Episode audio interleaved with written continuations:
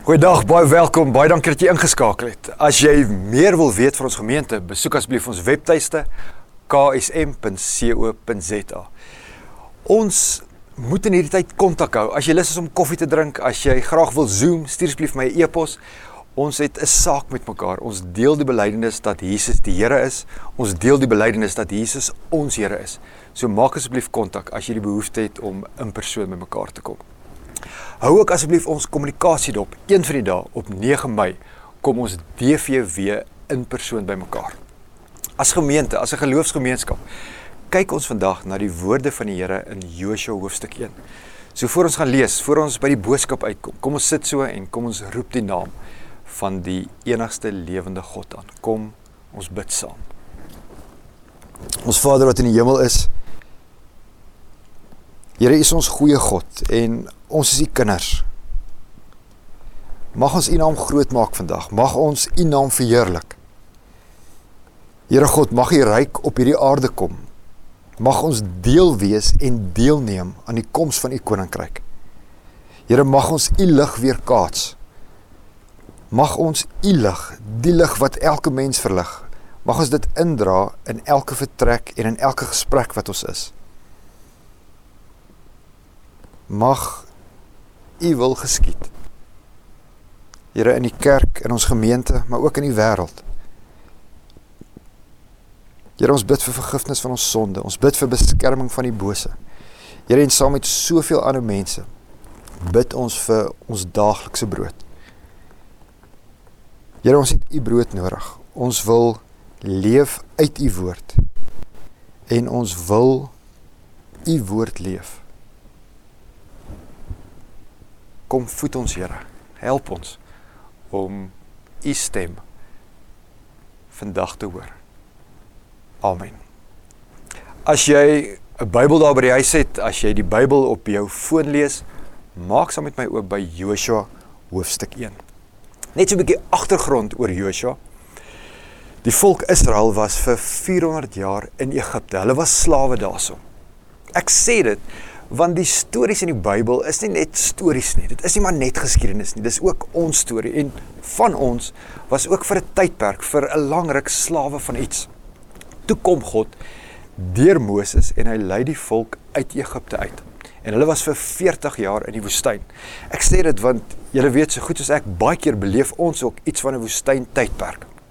Vandag waar ons gaan stil staan by Joshua, Joshua hoofstuk 1, is hulle op die grens van die beloofde land. Met ander woorde, hulle is deur die woestyn en hulle is nou op die punt om in Kanaan in te gaan. So ons ons is nou hierso by die begin van 'n nuwe hoofstuk, by die aanbreek van 'n nuwe seisoen in die geskiedenis van die volk Israel.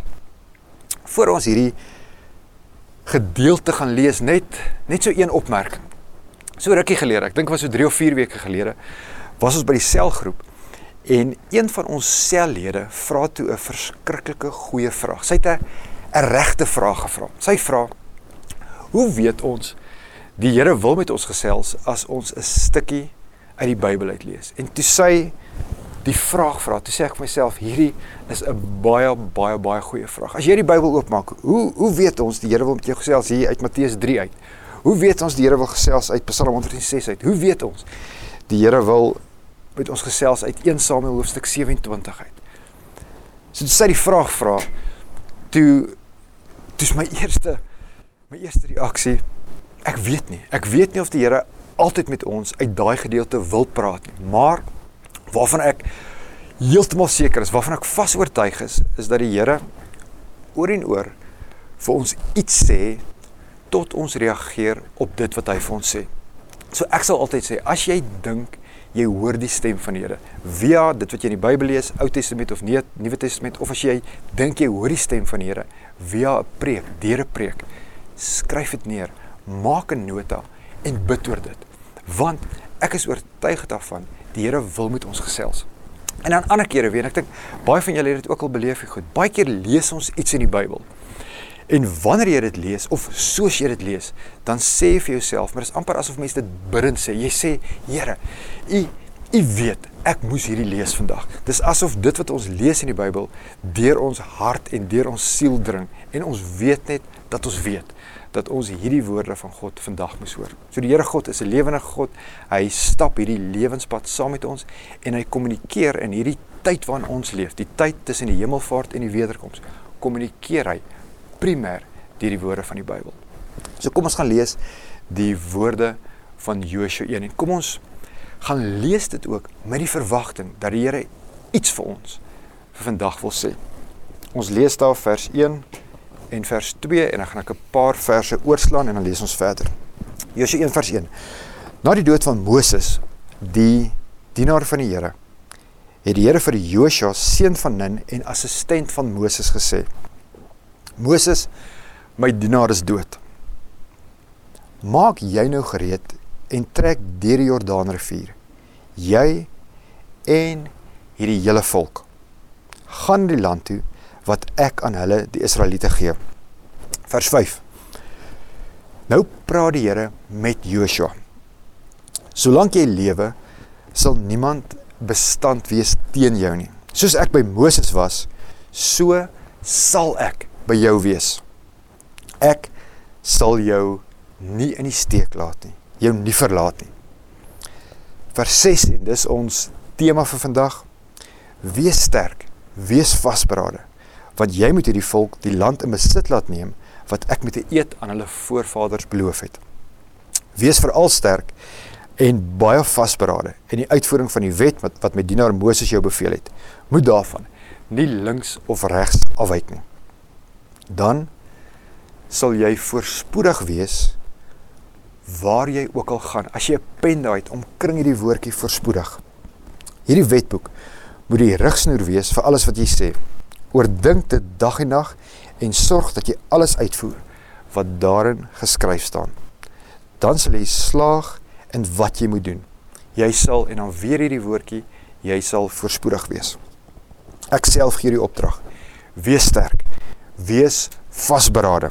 Moenie skrik nie, moenie bang wees nie, want ek die Here jou God is by jou oral waar jy gaan. Ons lees vandag net tot sover. Mag ons die Here se woorde helder en duidelik hoor. Julle sê gesien het in die kommunikasie, ons kyk vandag vorentoe. Ons het verlede week saam met Theodor agtertoe gekyk, maar vandag in die Here kyk ons na die toekoms. Vandag is in 'n sekere sin die begin van die res van jou lewe. En die vraag is, wat wil die Here vir ons vandag sê? Wat wil hy vir ons sê oor die toekoms?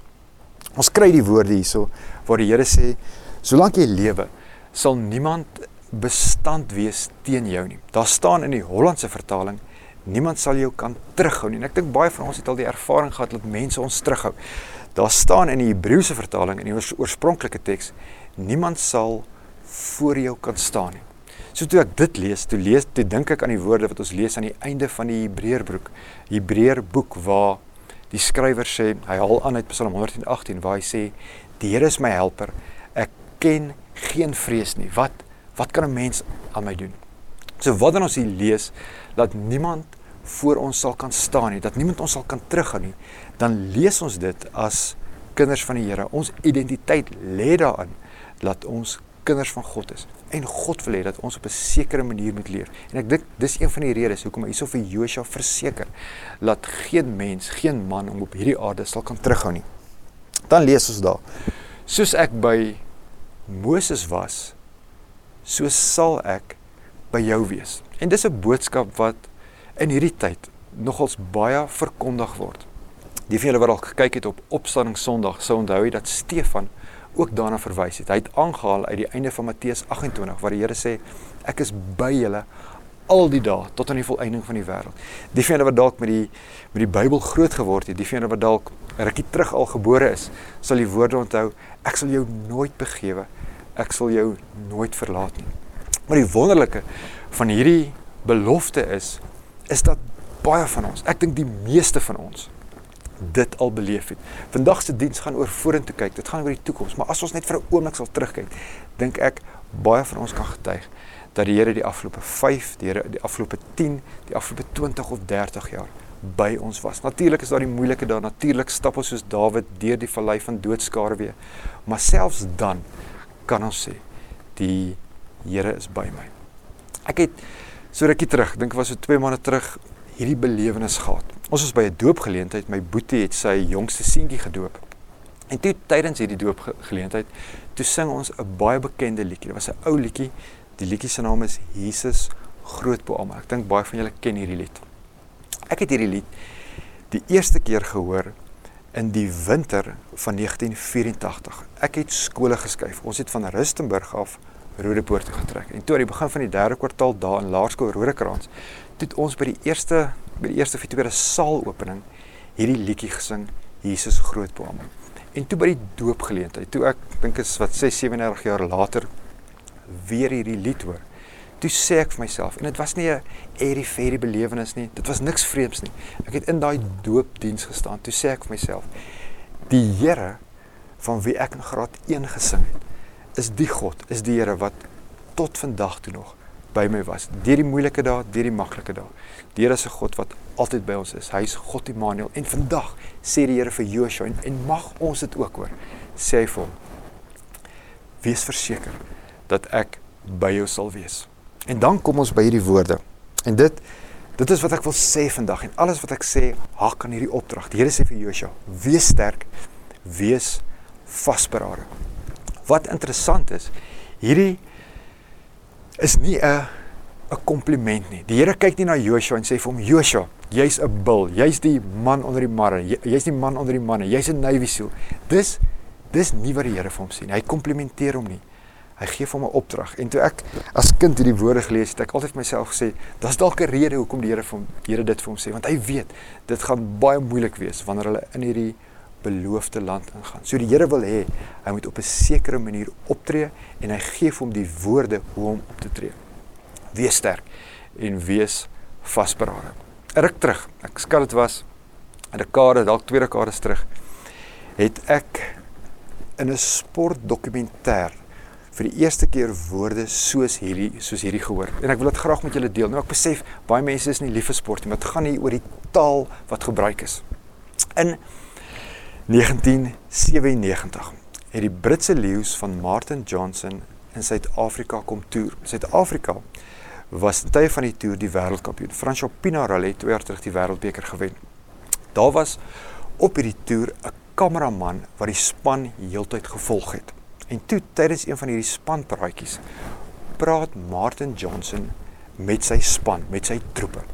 Dis 'n paar minute voordat hulle op die veld draf en die kaptein weet as jy op een van Suid-Afrika se stadions uitdraf, kan jy maklik in jou dop kruip en die die hele oomblik kan jy oorweldig. En dan sê die kaptein vir sy spelers en hy sê dit by herhaling: "Hê die moed, hê die moed, hê die moed. Have the courage." Is die Engelse woorde wat hy gebruik. So amper op dieselfde vlak kom die Here en hy sê vir Joshua: "Wees sterk en wees vasberade." Die Die wonderlike en die goeie nuus is hoe meer ons die Here gaan leer ken, hoe meer kan ons beweeg in die rigting van vreesloosheid. Fani het rukkie gelede met ons gesels oor die verhaal wat ons kry in Johannes hoofstuk 9. Ons lees daarso van 'n blinde man wat deur Christus gesond gemaak is. En dan soos hy die Here beter leer ken, so raak hy al hoe meer vreesloos. En aan die einde van hierdie van hierdie verhaal is dit asof hy vir die Joodse leiers sê: "Julle kan met my maak net wat julle wil. Ek ek is glad nie meer bang vir julle nie. Julle kan my uitban. Julle kan my met klippe gooi. Do, doen wat julle wil doen." Christus het my aangeraak en ek is oortuig daarvan dat hy 'n mens is, dat hy 'n man is wat van God kom. So wanneer ons dink oor ons toekoms, as ons dink aan die res van hierdie jaar, as ons dink aan die winter van 2021, wat is dit? Wat is dit wat die Here vir ons wil sê? Dan dink ek die Here wil vir een en elkeen van sy kinders sê: Wees sterk. Wees vasberade. Wees dapper. Tree moedig op. Julle ons het ons het nou die dag die opstanding van Jesus Christus herdenk. Dieselfde krag wat Jesus uit die dood uit opgewek het, is ook in ons. Dieselfde gees wat vir Jesus opgewek het. Romeine hoofstuk 8 is ook in ons. Ons kan die toekoms, ons kan die die nuwe seisoen, hierdie nuwe hoofstuk wat vir ons aanbreek met vrymoedigheid binne gaan. Hoekom? Want God is die een wat altyd by ons is. M Scott Peck is 'n bekende psigiater. Hy is die skrywer van die boek The Road Less Traveled. Hy's 'n wêreldbekende mediese dokter en hy sê op 'n stadium in sy boek 'n baie interessante ding. Hy werk met drie woordjies en hierdie woorde is act as if.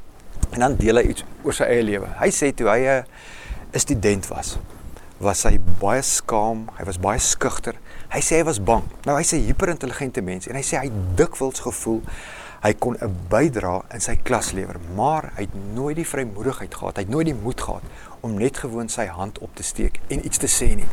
En dit het hom begin pla, want hy het regtig gevoel hy kan 'n bydra maak. En toe begin hy vir homself te sê act as if tree op asof ek ek deel dit met ons as gemeente want ek dink dit is iets wat ons kan help tree op asof jy dapper is tree op asof jy sterk is. Tree op asof jy vasberade is. Want soos ons so begin optree, so kry ons die krag. Dis 'n beginsel wat ons in die Ou en die Nuwe Testament kry. Nou wat belangrik is, dit gaan nie so oor ons verhouding met die Here en dit gaan oor gehoorsaamheid.